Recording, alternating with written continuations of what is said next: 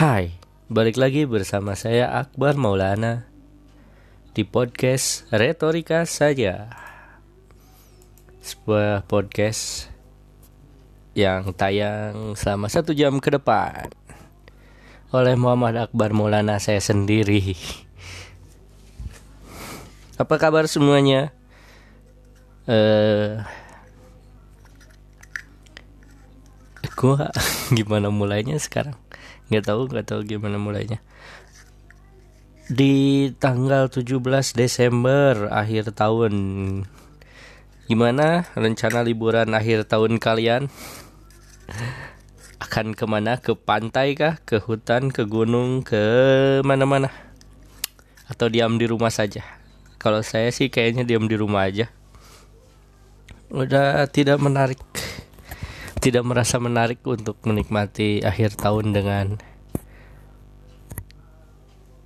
berkegiatan. Cuaca sekarang sedang hujan ya.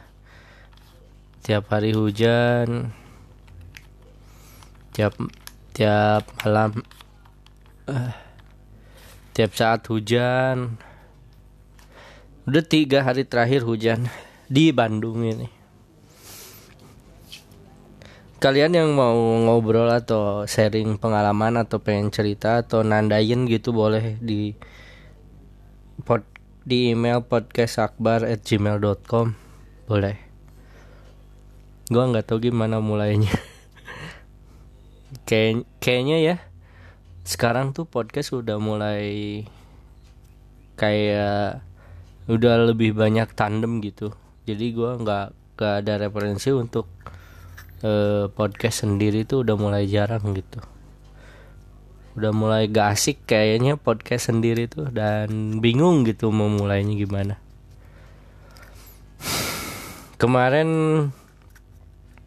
semingguan ini gue ngobrol sama teman uh, membicarakan soal penggalangan dana karena sekolah SD gua dulu mengalami musibah kebakaran dan akhirnya gua diskusi gitu loh ngobrol-ngobrol soal rencana eh, rencana penggalangan dananya gitu ya. Dan gue ada salah satu topik gitu ya yang ngomong gitu kayak saya ada salah seorang teman yang ngomong gitu kayak gue kalau nanti nikah gitu kalau gue lagi pengen ya harus gitu. Kalau enggak ya disiksa gitu. Terus gue mendebat itu kayak ya nggak bisa dong kayak ya yang nggak boleh lah cewek cewek apa janganlah dipaksain gitu. Itu tuh kan bukan soal kesepakatan gitu. Meskipun dalam pernikahan melakukan hubungan seperti itu ya sesuai kesepakatan gitu nggak sekedar nggak cuman kayak main-main doang gitu. Harus ada kesepakatannya. Terus gue ngedebat dia kayak eh man itu tuh kan kayak itu kan udah diperintahkan oleh Tuhan bahkan disuruh oleh, agama. Kalau pengen ya udah maksa. Terus gue mikir kayak gimana kalau dia head atau gimana kalau dia lagi males atau lagi capek gitu si perempuannya terus dia kayak ya nggak peduli. Gue pokoknya pengen mah ya pengen aja. Masa terus dia ngomong kayak masa gue harus uh, masturbasi gitu? Terus gue mikir kayak ya emang gitu juga nggak apa-apa lagi ya nggak apa-apa lagi lu tahu dupan gak sih? Lu tahu dupan gak sih? Dupan gue uh, analogi yang keren tuh dari not slim boy not a slim boy semi semi not a slim boy gitu bahwa ternyata lu tahu dupan gak sih? Dupan tuh kan kalau misalnya wahana yang satu rusak wahan dupannya tetap buka gitu. Nggak nggak tiba-tiba tutup. Nah perempuan juga gitu. Kalau misalnya ada satu wahana yang nggak bisa ya bisa pakai yang lain gitu. Ngerti nggak sih? Ngerti? Ya bisa lah bisa apa pun. Ya kalau nggak bisa intercourse main uh, intercourse gitu kan bisa dengan handjob blowjob apa pun gitu. Terus gue kayak anjir aneh mana bar aneh. Bener tapi orang orang ngerasa bener terus iya bener kan bener kan bener. Bener sih bar bener. Bener lah. Iya nggak? Daripada memaksakan kehendak kan? Dan itulah yang disebut dalam upaya yang disebut dengan kekerasan seksual dalam rumah tangga tuh itu yang sedang diperjuangkan oleh undang-undang PKS tuh itu gitu. Ngerti nggak sih? Ah pada ngerti.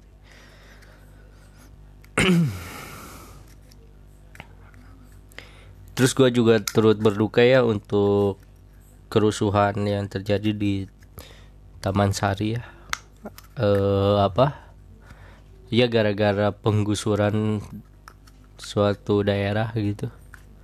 Suatu tempat terus ternyata ada korban gitu beberapa orang yang terkena represi uh, yang melakukan penggusuran lah. Saya nggak tahu siapa. Ya turut berduka aja gitu kenapa harus terjadi seperti itu. Kalau kalau gue orang kaya atau gue punya penghasilan yang tinggi gitu ya. Ya maksudnya orang kaya mungkin gue akan memandang kayak ya itu ngapain sih kayak gitu? Kayak ya itu kan benar buat demi kebaikan negara eh, demi kebaikan masyarakatnya juga. Ngapain sih pada nggak mau nolak? Kan itu mau dibangun rumah deret terus kayak pengen dibuat enak nyaman tempatnya nggak kumuh lagi. Kok malah protes sih? Kok malah kok malah itu sih? Kok malah protes sih? Kok malah didukung sih? Kok malah terjadi kok malah didukung sih gitu? Kok penggusuran tuh ya biarin aja digusur gitu kayak. Itu kan demi kebaikan semuanya demi kebaikan orang warganya juga kan udah dibayar dan sebagainya sebagainya. Pokoknya setuju gitu. Tapi karena gue gue merasakan hidup susah ya dan gue mengalami dan gue berpikir hidup susah tuh nggak enak ya. Ya jadi gue berempati terhadap korban sih. Orang-orang yang rumahnya digusur karena orang-orang yang berpikir bahwa hidupnya bisa enak setelah di yang bisa di yang hidupnya enak setelah dikubur eh ya digusur ya en. Ya emang enak-enak aja yang kalau udah digusur. Kenapa coba orang seneng kenapa coba ada orang yang setuju dengan penggusuran? Ya karena mereka berpikir rumahnya nggak mungkin digusur. Ya nggak sih? Ya karena mereka karena mereka berpikir nggak suka main ke kampung kumuh sih. Kayaknya kayaknya orang-orang yang susah main ke kampung kumuh gitu kayak apaan sih jorok jijik gitu-gitu. Yang biasanya ya yang orang-orang yang suka pamer gitu yang suka merasa nggak suka dengan rakyat jelata eh, gitu-gitu sih. Perjuangan kelas anjay ya memang. Memang pasti akhirnya seperti itu. Tapi menurut gue ya baru dicarikan solusinya lah. Gimana gimana pun harusnya. Karena yang paling penting itu ya jangan cuman orang yang punya modal aja yang bisa gitu. Yang bisa berbuat sesuatu. Gue gue tuh sedih sih sebetulnya sama kondisi Indonesia. Terus gue sedih juga sama kasus Lutfi. Lu tau nggak kasus Lutfi? Seorang yang mengaku pelajar di demonstrasi di demonstrasi waktu itu yang be megang bendera. Lu tau nggak yang yang yang fotonya epic dia kena gas air mata terus ditutup pakai bendera merah putih epic. Akhirnya kasusnya disidangkan gitu ya dan ternyata ada fakta bahwa dia bukan seorang pelajar asli. Dia cuman menyamar sebagai pelajar asli. Eh bukan. Dia menyamar dengan baju SMA gitu sebagai pelajar dan membuat rusuh gitu gue nggak tahu motifnya apa apakah dia dibayar atau karena keresahan terhadap negeri ini sendiri. Atau mungkin resah terhadap negeri ini atau mungkin dibayar untuk merusak penyusup dalam demo demonstrasi itu atau gimana. Tapi menurut saya ya ketika ketika seorang demo terus di dihukum tuh aneh sih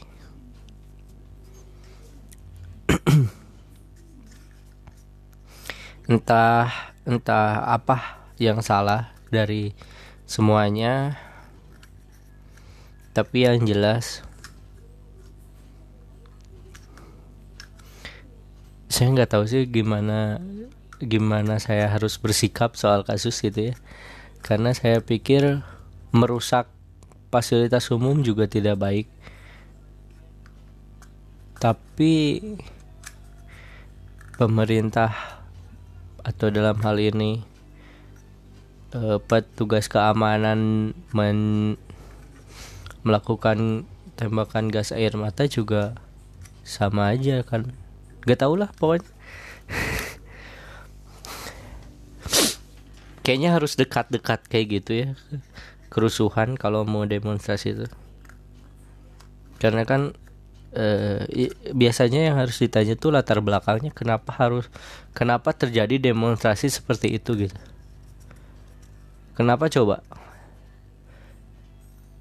Gak mungkin seorang seseorang ada ada beberapa alasan kan kenapa seseorang melakukan demonstrasi. Karena ngapain coba demonstrasi demo gitu kalau dia hidupnya nyaman hidupnya enak itu ngapain? Selain untuk perayaan perayaan atau tuntutan itu nggak akan demo nggak akan lusuh kalau perayaan gitu kayak demo buruh tanggal 1 Mei itu kan perayaan hari buruh yang harus ya harus menuntut pemerintah yang tidak berpihak pada buruh sih kan? Tapi kalau misalnya untuk sesuatu yang sebetulnya tidak ada agenda hanya mungkin kebijakan pemerintah yang men, yang ditentang oleh masyarakat gitu. Mereka-mereka yang sebetulnya punya pekerjaan terus harus turun jalan itu tuh pasti ada akar masalahnya itu kebijakan. Nah itu dong yang harus diperbaiki yang harus diubah. Bukan malah menyerang yang mendemonya. Gue sih berharap ya pemerintah dalam hal ini Jokowi menghadiri sidang me, me mention gitu menotis kasus Lutfi ini dan men, mengatakan bahwa saya tahu saya berharap gitu bahwa saya memang maafkan gitu. Pokoknya ada ada apresiasi lah terhadap demonstrasi gitu bahwa saya saya akan mendengarkan aspirasi kalian sebentar lagi. Gitu loh. Saya akan melakukan perubahan-perubahan kebijakan. Gitu loh. Jadi kayak wah ternyata dia mendengarkan suara rakyat gitu. Kan gitu ya. Tapi nggak tahu nih. Soalnya ada juga rakyat sebelah yang kayak nggak peduli sih sama hal yang kayak gitu. Sama reformasi di korupsi gitu. Tuntutan mahasiswa yang reformasi di korupsi itu nggak ada yang ada yang nggak nggak mikirin itu. Ada ada. Ada yang mikirin lebih ke Benny Lobster ada ada. Ada. Ada pasti.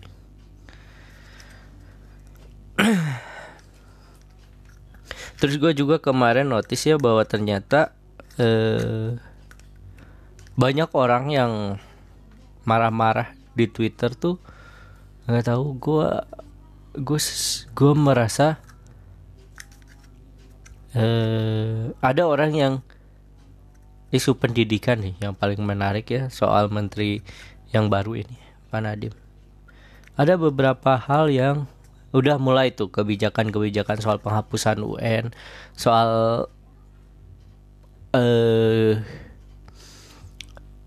me, me, menyederhanakan RPP dan sebagainya sebagainya gitu ya. Terus kan eh, setiap menteri baru ada kebijakan baru kan. Terus ada orang-orang yang menentangnya gitu. Terus saya mikir kayak orang-orang yang menentangnya ini tuh kayak ngebuk gue nggak pernah denger dia pernah ngebahas pendidikan sih tapi dia bilang kayak ngejelek-jelekin pokoknya setiap jabatan apa setiap kebijakan Panadim ini. Kayak nggak tahu pendidikan tapi sosok ngurus pendidikan gitu. Terus gue mikir kayak sementara ada orang-orang yang saya percaya gitu ya peduli terhadap pendidikan mendukung ini gitu mendukung kebijakan Pak Nadim ini Pak Menteri yang baru ini gitu. Terus gue kayak mikir kayak wah ternyata ya kalau di sosial media ini yang yang bacotnya gede lebih kedengeran ya kayak kayak kayak judul bukunya ada tuh matinya kepakaran tuh bener. Jadi kayak pakar pakar terhadap sesuatu perjuangan yang punya soal seseorang yang mau yang memiliki perjuangan terhadap suatu isu tuh bisa kalah oleh orang-orang yang menyentuh sedikit gitu menyentuh sedikit doang terhadap isu-isunya gitu. Isu tersebut gitu. Saya ambil contoh gitu kadang-kadang. Nah gue juga nggak ngerti nih karena gimana caranya berjuang yang benar gitu ya terhadap suatu isu. Misalnya kayak ada orang yang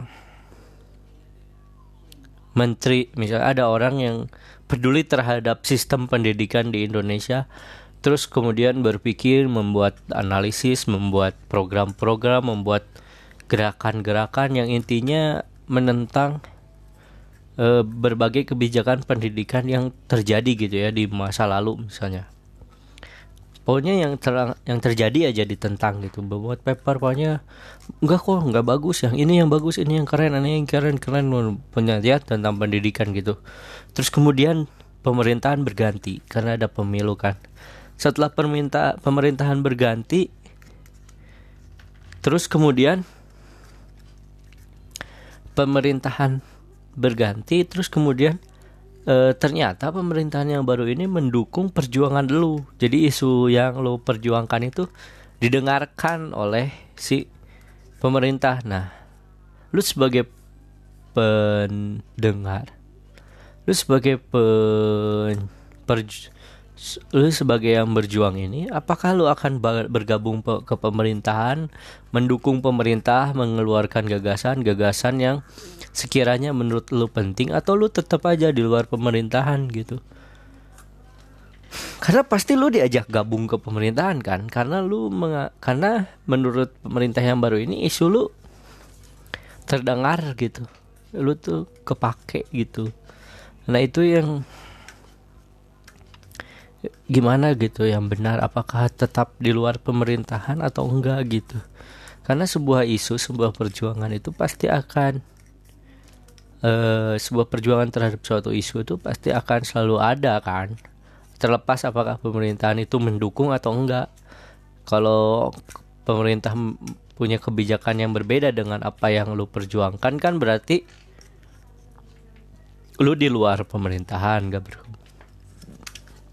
tapi kalau lu uh, tapi kalau pemerintahan lu mendukung ide gagasan lu gimana tuh? Lu akan bergabung dengan pemerintahan dan lu akan dianggap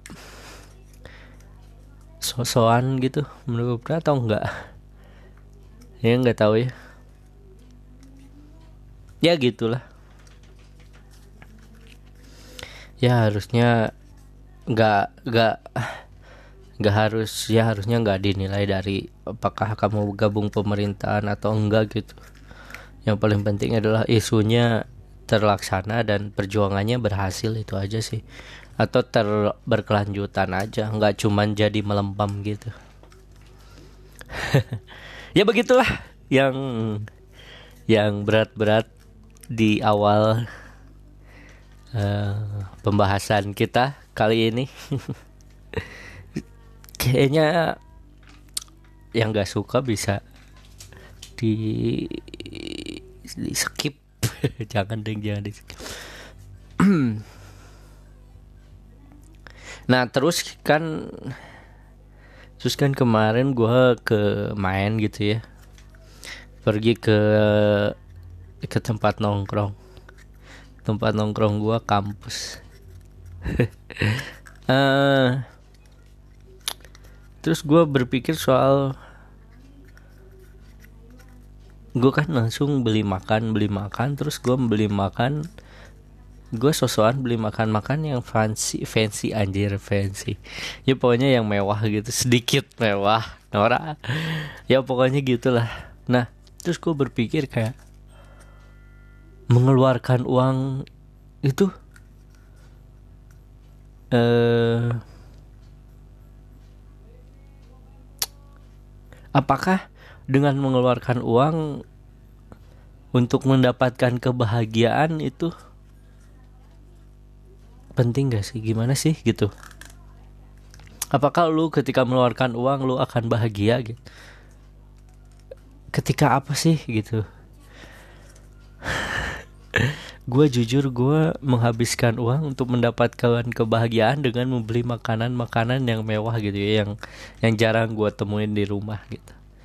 Apakah gue setelahnya mendapat kebahagiaan? Ya dapat tapi sedikit gitu ada juga yang mengeluarkan uang untuk mendapatkan kebahagiaan dengan apa?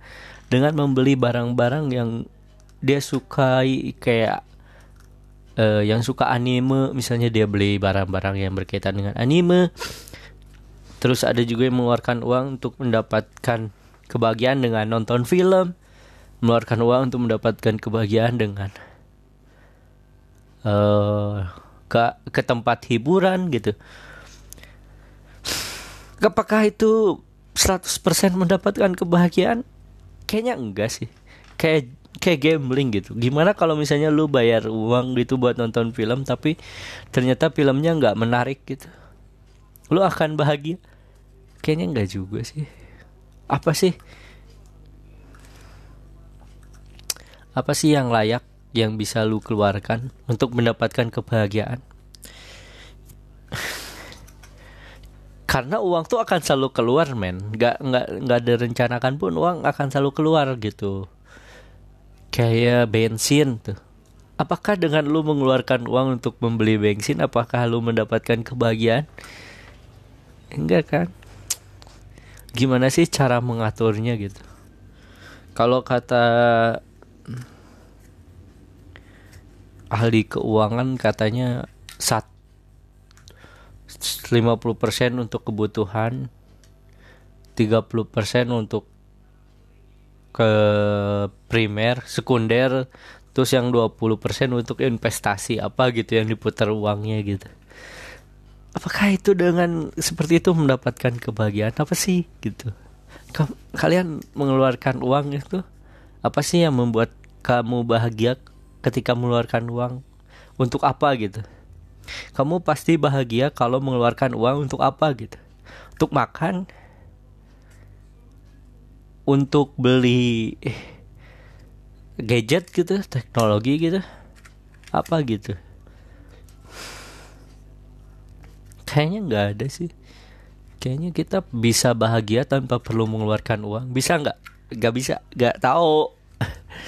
Dan gue gue bahagia kalau gue mengeluarkan uang untuk makan. Karena gue doyan makan. Gue doyan makan makanan yang aneh yang unik ya. Yang gue doyan. Ya enggak ya dong ya dong. Gue kemarin bahagia ya ngeliat teman gue sahabatnya bisa balikan lagi bisa bahagia lagi gue harusnya bahagia harusnya bahagia gitu. Karena pada awalnya gue merasa kayak andai. Gue kayak kehilangan temen gitu sementara mereka bahagia gitu. Gue tuh kayak merasa jadi orang yang sedih aja gitu kehilangan teman dan mantan sekaligus gitu. Sementara mereka masih berteman sahabatan tapi gue berpikir kayak ya mungkin emang gue harus mengalah sih. Karena ya gue harus bahagia melihat teman bahagia sih. Ya enggak ya dong. Karena bahagia kebahagiaan teman tuh lebih penting sih daripada perasaan gue cie anjir. Sok banget sih lu. Bar bar.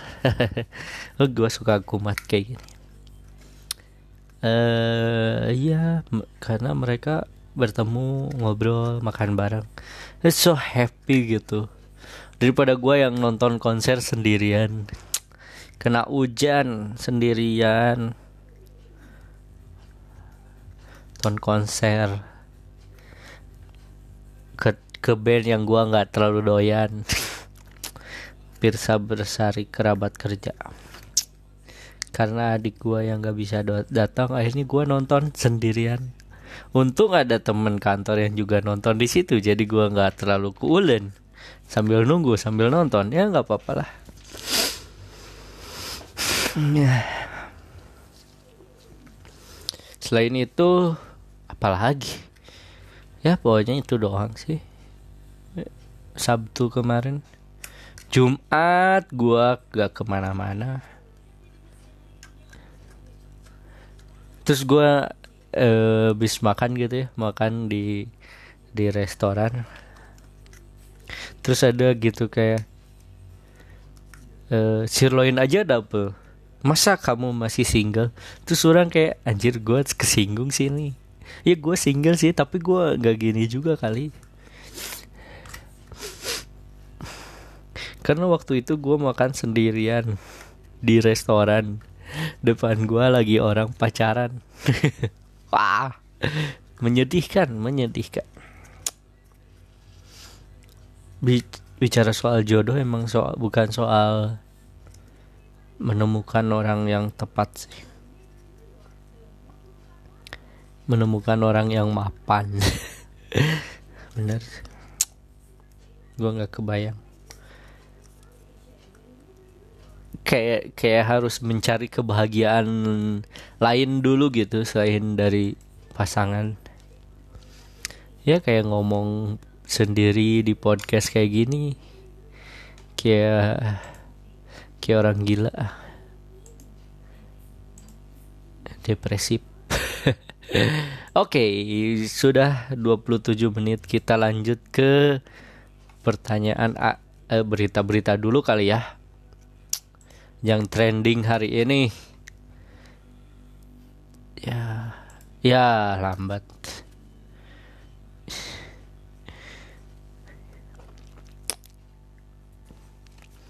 Lambat internetnya laptopnya lambat. Nah nah nah nah. Ya ampun. Ya ampun ya ampun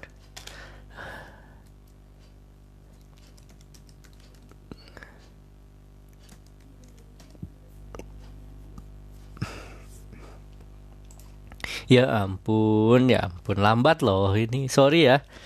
Maaf dead air. ini lambat. Lambat internet lambat. Yang lambat internet bukan masa depanmu.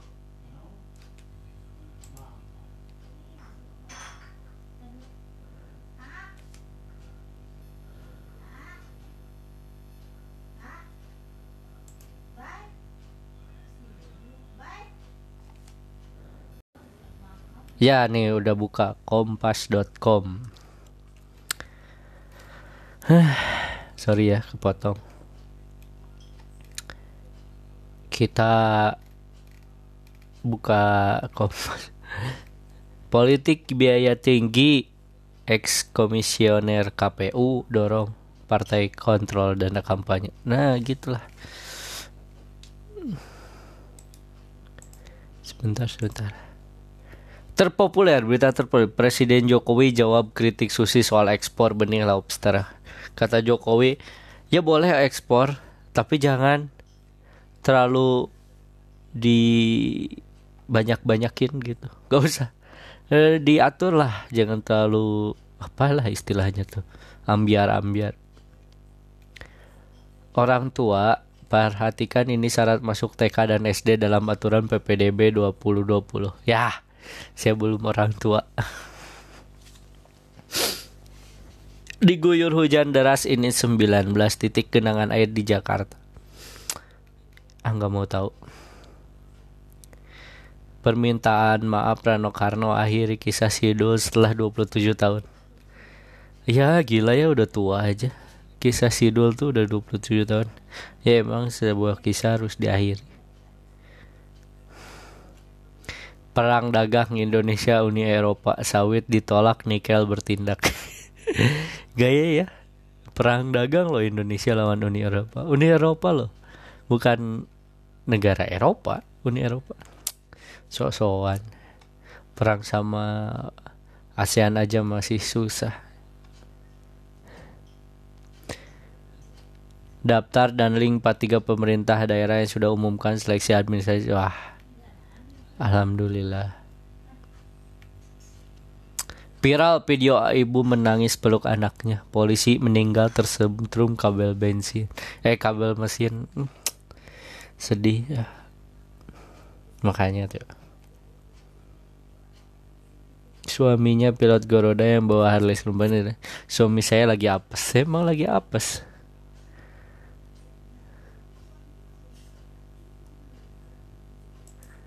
Kok nggak ada Bandung ya? kita buka yang Bandung aja ya kali ya. Pikiran rakyat. Nah. Mang dari rakyat eh, untuk rakyat oleh rakyat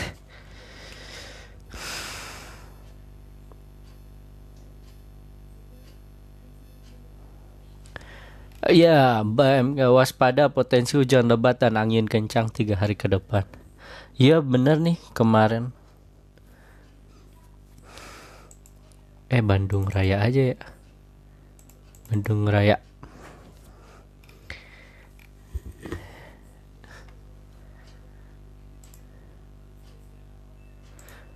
gelar ruatan seniman protes Ridwan Kamil ubah pondok seni jadi waterboom. Udah benar jadi. Udah nggak apa-apa padahal jadi waterboom aja. Tapi nanti waterboomnya ada pondok seni. WK WK WK WK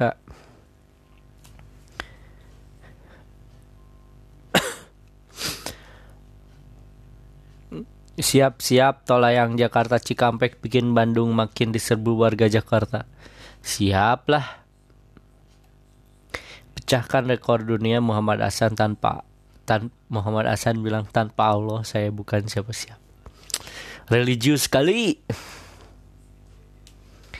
mantan pelatih kiper Borneo ah ini mah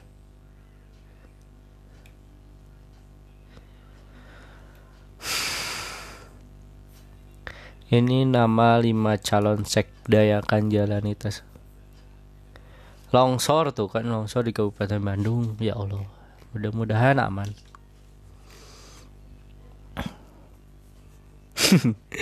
Pinter rusak pembacaan putusan Monang Saragi terkait investasi bodong ditunda. Ya Allah, printer rusak doang.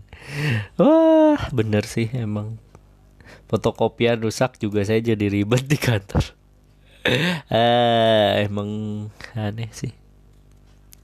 Gue pengen tahu. Oke, inilah calon sekda lima orang namanya Setiawan Wang Saat Maja, Deputi Sumber Daya Manusia, Wow, Deputi SDM Aparatur Kementerian Pendayagunaan Aparatur Negara dan Informasi Wow, dari sana Diki Saromi Kepala Dinas Perumahan Yeri Januar Kepala BKD Dedi Taufik De, Tah Deni, Deni ah. Gila Kepala Dinas Perhubungan Kabupaten Kuningan. Jadi sekda. Hmm, Alhamdulillah. Ya itu aja beberapa headline untuk hari ini. Soal uh, di nasional. Ya pokoknya itulah ada beberapa isu yang hangat seperti KPK yang bantah tudingan lemahnya pencegahan 65 triliun disetor ke kas negara tuh kan. Nih usulan anggota dewan pengawas KPK ada siapa aja? Ada Patumpak Hatorangan, Profesor Indianto Sino Aji dan Mas Ahmad Santosa. Mas Ahmad Santosa itu pernah mendengar aku. Ya pokoknya itulah. Dan kita mulai ke uh, bahas uh,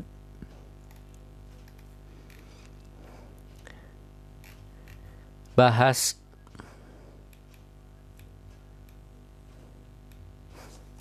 bahas di AXFM pertanyaan-pertanyaan random di AXFM ya nggak apa-apa.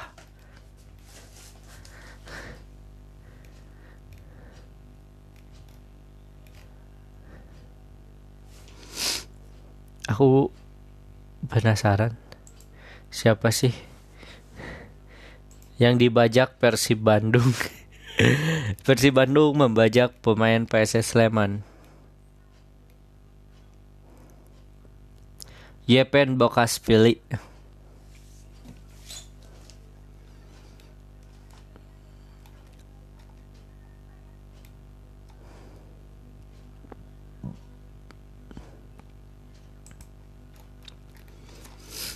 ya nggak tahu lah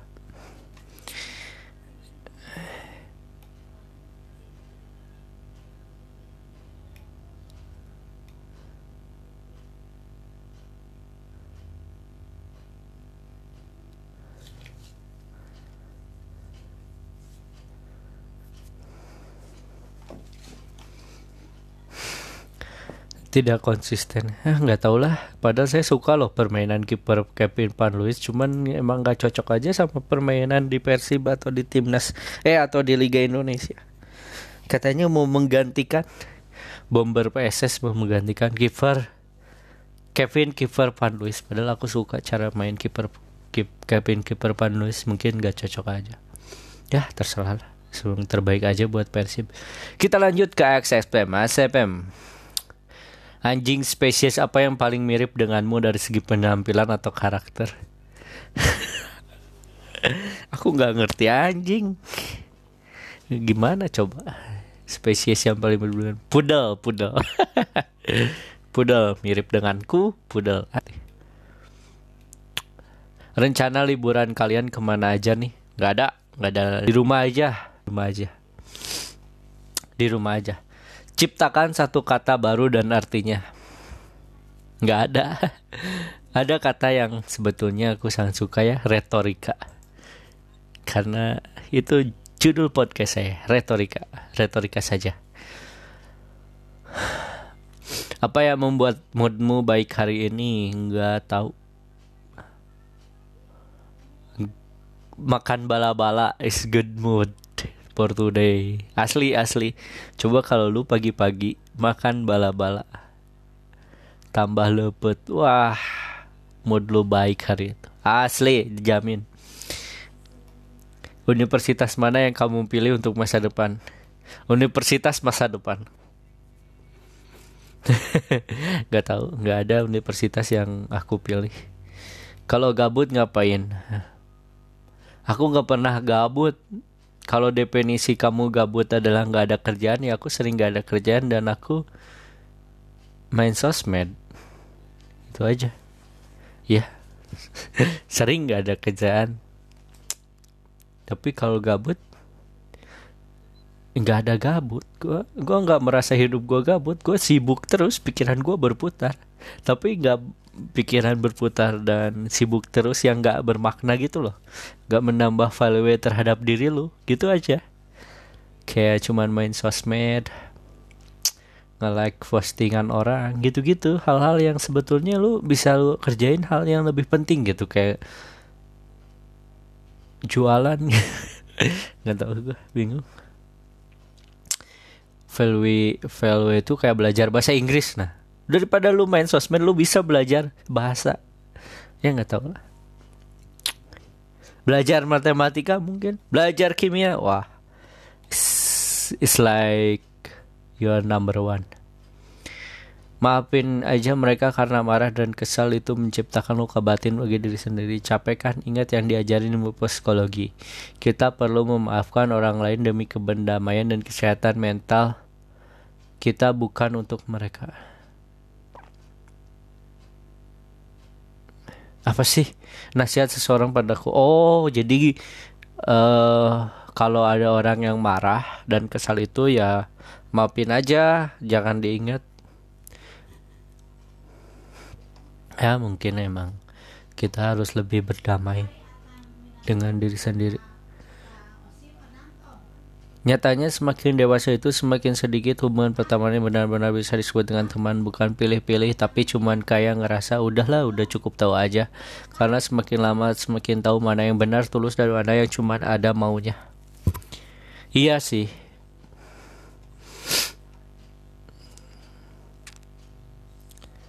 Ya mungkin emang kamu harus sadar bahwa teman itu sedikit cukup tahu aja lah. Sedikit aja. Pernah nggak sehari tanpa HP gimana rasanya? Nggak pernah kayaknya. Kayak ada yang kurang aja kalau nggak ada HP diperjuangkan atau memperjuangkan? Memperjuangkan. Aku aku senang memperjuangkan yang nggak berhasil itu loh. Sedih ya tujuan yang aduh anjir. Tujuan ente-ente di mari bermain soundpad itu apa buat bikin buat bikin podcast. Nambah bahan materi podcast. Itulah kuncinya. Ada yang mau nonton konser Noah nggak tanggal 25 Desember? Gak nggak tahu nggak tahu. Nggak tahu nggak nggak kenal ada konser Noah di mana tanggal 25 Desember. Malam-malam gini enaknya ngapain? Ya nggak tahu bikin siaran podcast malam-malam gini enaknya. Sebutin hal termanja kalian sama sahabat. Kalau kalau aku lagi makan pasti minta disuapin padahal bisa makan sendiri. Uh, ajir kris bener kalian tuh ya. Lu bayangin kalau yang ngomong ini cowok. Andi suapin. Dan itu yang ngomong bang bang. Aneh. Ya mungkin. Kalau gue nggak ada gue mah nggak ada hal yang termanja yang dilakuin sama sahabat. Gue paling senyum senyum show gitu. Quotes favorit. Jangan nilai ikan dari cara dia manjat pohon kalau lu nilai ikan dari cara dia manjat pohon ikan itu akan terus selamanya merasa dirinya nggak bisa nggak bodoh. Damn. Damn. That's it man. Kak kenapa suka dancing in the rain? Nggak nggak suka. Gue suka sih. Gue suka nari di hujan. Suka nari pas hujan. Dulu waktu kecil kalau sekarang juga suka tapi kalau lagi hujan-hujanan naik motor mau balik itu suka nari dalam hati. nah aku nih boleh nggak sih pacaran sama temennya mantan? boleh. Kalau gue pernah soalnya mau pacaran sama sahabatnya mantan lebih parah nih bukan temennya dan gak diizinin sama mantan gue dan akhirnya gagal ya lu juga pasti bakal ngelamin itu. Terima aja lah. Antara mantan lu sama temennya jadi hancur persahabatannya atau mereka baik-baik aja dan lu yang nggak baik-baik aja karena ditinggalin sama mereka berdua. It's okay it's okay. Life is going on. Hidup akan selalu berjalan. Bagaimana cara menagih janji seseorang secara halus? Gua nggak bisa sih gue nggak ngerti secara halus tuh gimana ya. Tapi gue selalu mengingat-ingat sih kayak tapi gue gak pernah secara halus sih. Gue langsung aja ditembak gitu. Apa lu janji kemarin? Lupa ya. Lu lupa ya kemarin ngejanjiin apa? Gitu gue gue langsung aja tuh depan lu lupa ya suatu hari lu bilang pengen video call sama gue lu lupa ya kan? Kemarin lu bilang kayak gitu. Kenapa sekarang nggak? Ciri-ciri cowok bosan gimana sih main handphone. Ciri-ciri cowok bosen tuh gak fokus sama lu fokus sama handphone. Udah itu doang. Karena gue nggak pernah merhatiin cowok ya. Kalau bosen dan gak pernah nanya juga cowok lain kalau bosen gimana. Ntar gue tanyain dah. Pilih bertahan tapi tidak dihargai apa pergi dan cari pengganti. Kalau lu bisa cari pengganti, ya lu pergi. Tapi gue yakin lu nggak bisa. Jadi ya lu bertahan lah. Gak apa-apa nggak dihargai juga sampai lu merasa oh, nyerah dan uh, berhenti untuk bertahan. Itu sih karena kayak racun tau kayak kayak lu pengen tapi lu tahu gitu itu tuh kayak nggak kayak candu gitu udah bertahan gak dihargain mundur. Terus lu kayak pengen lagi eh gimana ya rasanya? Pe lagi bertahan lagi. Gak dihargain udah lu nggak bisa total pergi. Dan lu sulit mencari pengganti. Ya itulah. Anda ada follower gak? Nggak ada. Kui ah ke mana? Nggak tahu. Rambutmu indah pasti rajin keramas. Gak gua nggak rajin keramas. Gua rajin keramas tapi rambut gua nggak indah. Nggak tahu nggak cocok mungkin rambut gua. Suka ketombean. Cuacanya lagi dingin banget tapi yang bisa dipeluk cuma Ayo pancelannya apa nih? Cuma guling. Ah. Gak gak lucu. Cuma cuma matahari. Ah gak lucu. Cuacanya lagi dingin banget nih. Tapi yang gak yang bisa dipeluk cuman harapan harapan Anda. gak lucu gak lucu. Susah ya nyari lawakan dari punchline ini. Cuma motor. Cuma 15 senti. cuma 5000 rupiah. Cuacanya lagi dingin banget ya, tapi yang bisa dipeluk cuma 5000 rupiah. Anjir gitu lucu nggak lucu nggak lucu pasti kamu punya teman yang bawa motornya kayak ngajak mati pasti kamu punya teman yang bawa motornya kayak ngajak mati. Ngebut gitu maksudnya. Ya ada pasti ada. Tapi nggak tahu ya. Mungkin itu mah bukan teman lo teman gua mah nggak nggak kayak gitu. Pret. Meski tak si indah yang ku mau, kau mau tak sesempurna cinta yang semestinya namun aku mencintaimu, sungguh mencintaimu. Lagu ini emang mantep banget sih, apalagi didengerin pas malam gini. Coba rap lirik lagu yang menggambarkan suasana hati kalian saat ini. Nah, lagu gua, lagu gua ini, uh,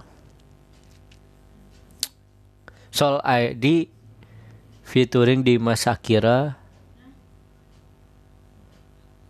apa ya?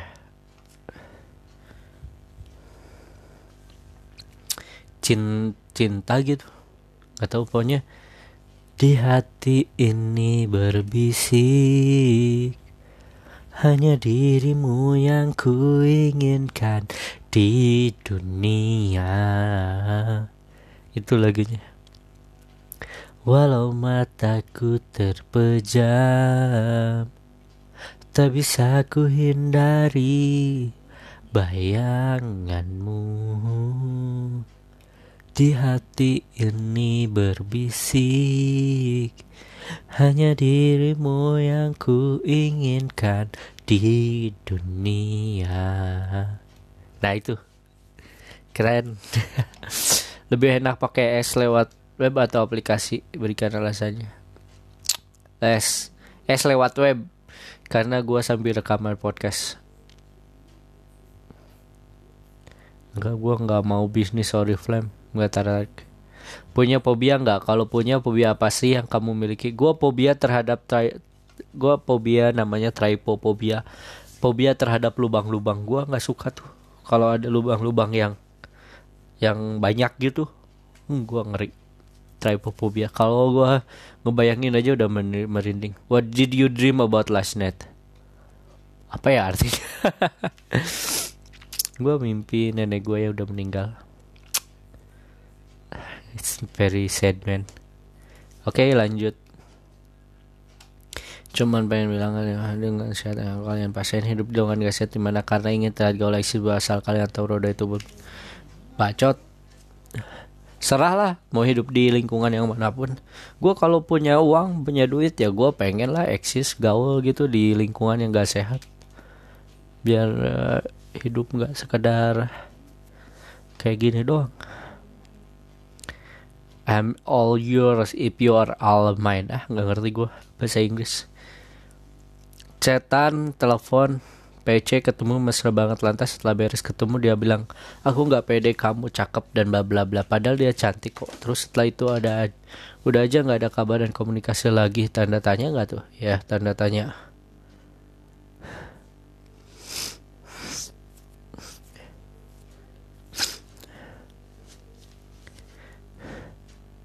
tanda tanya mungkin aslinya nggak terlihat cantik. Makanya susah kan kalau nggak ketemu dulu lalu pacaran.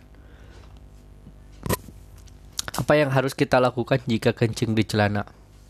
Buka celana lu bakar tutup wajah lu sepanjang hari karena lu malu banget pasti apa yang kalian lakukan jika sahabat kalian yang duduk sebangku sama kalian bau ketek yang sangat menyengat tapi gak enak kalau mau negor dia? Tegur aja men, sumpah, sumpah asli.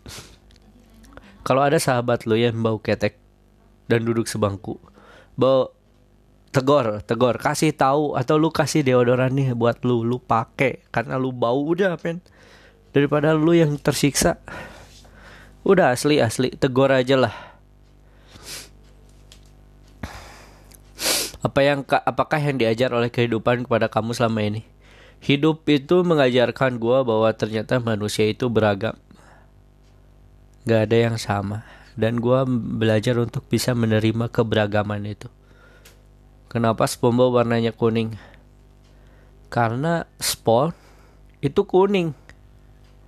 Spawn hijau juga ada.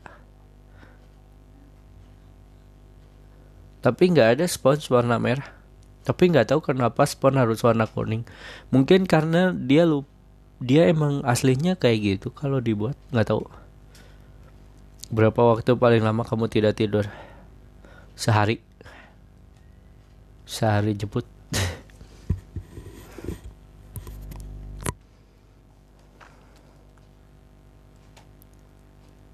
Menurut kamu perempuan yang nggak skincarean gimana? Kadang lupa pakai body lotion, pakai sunscreen juga lupa, maskeran rutin juga suka lupa.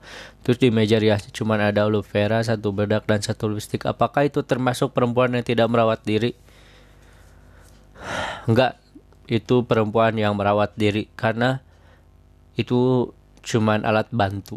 Karena yang paling penting itu mandi, lu harus mandi kalau nggak mandi lu mau pakai body lotion pakai sunscreen pakai apa pun juga percuma.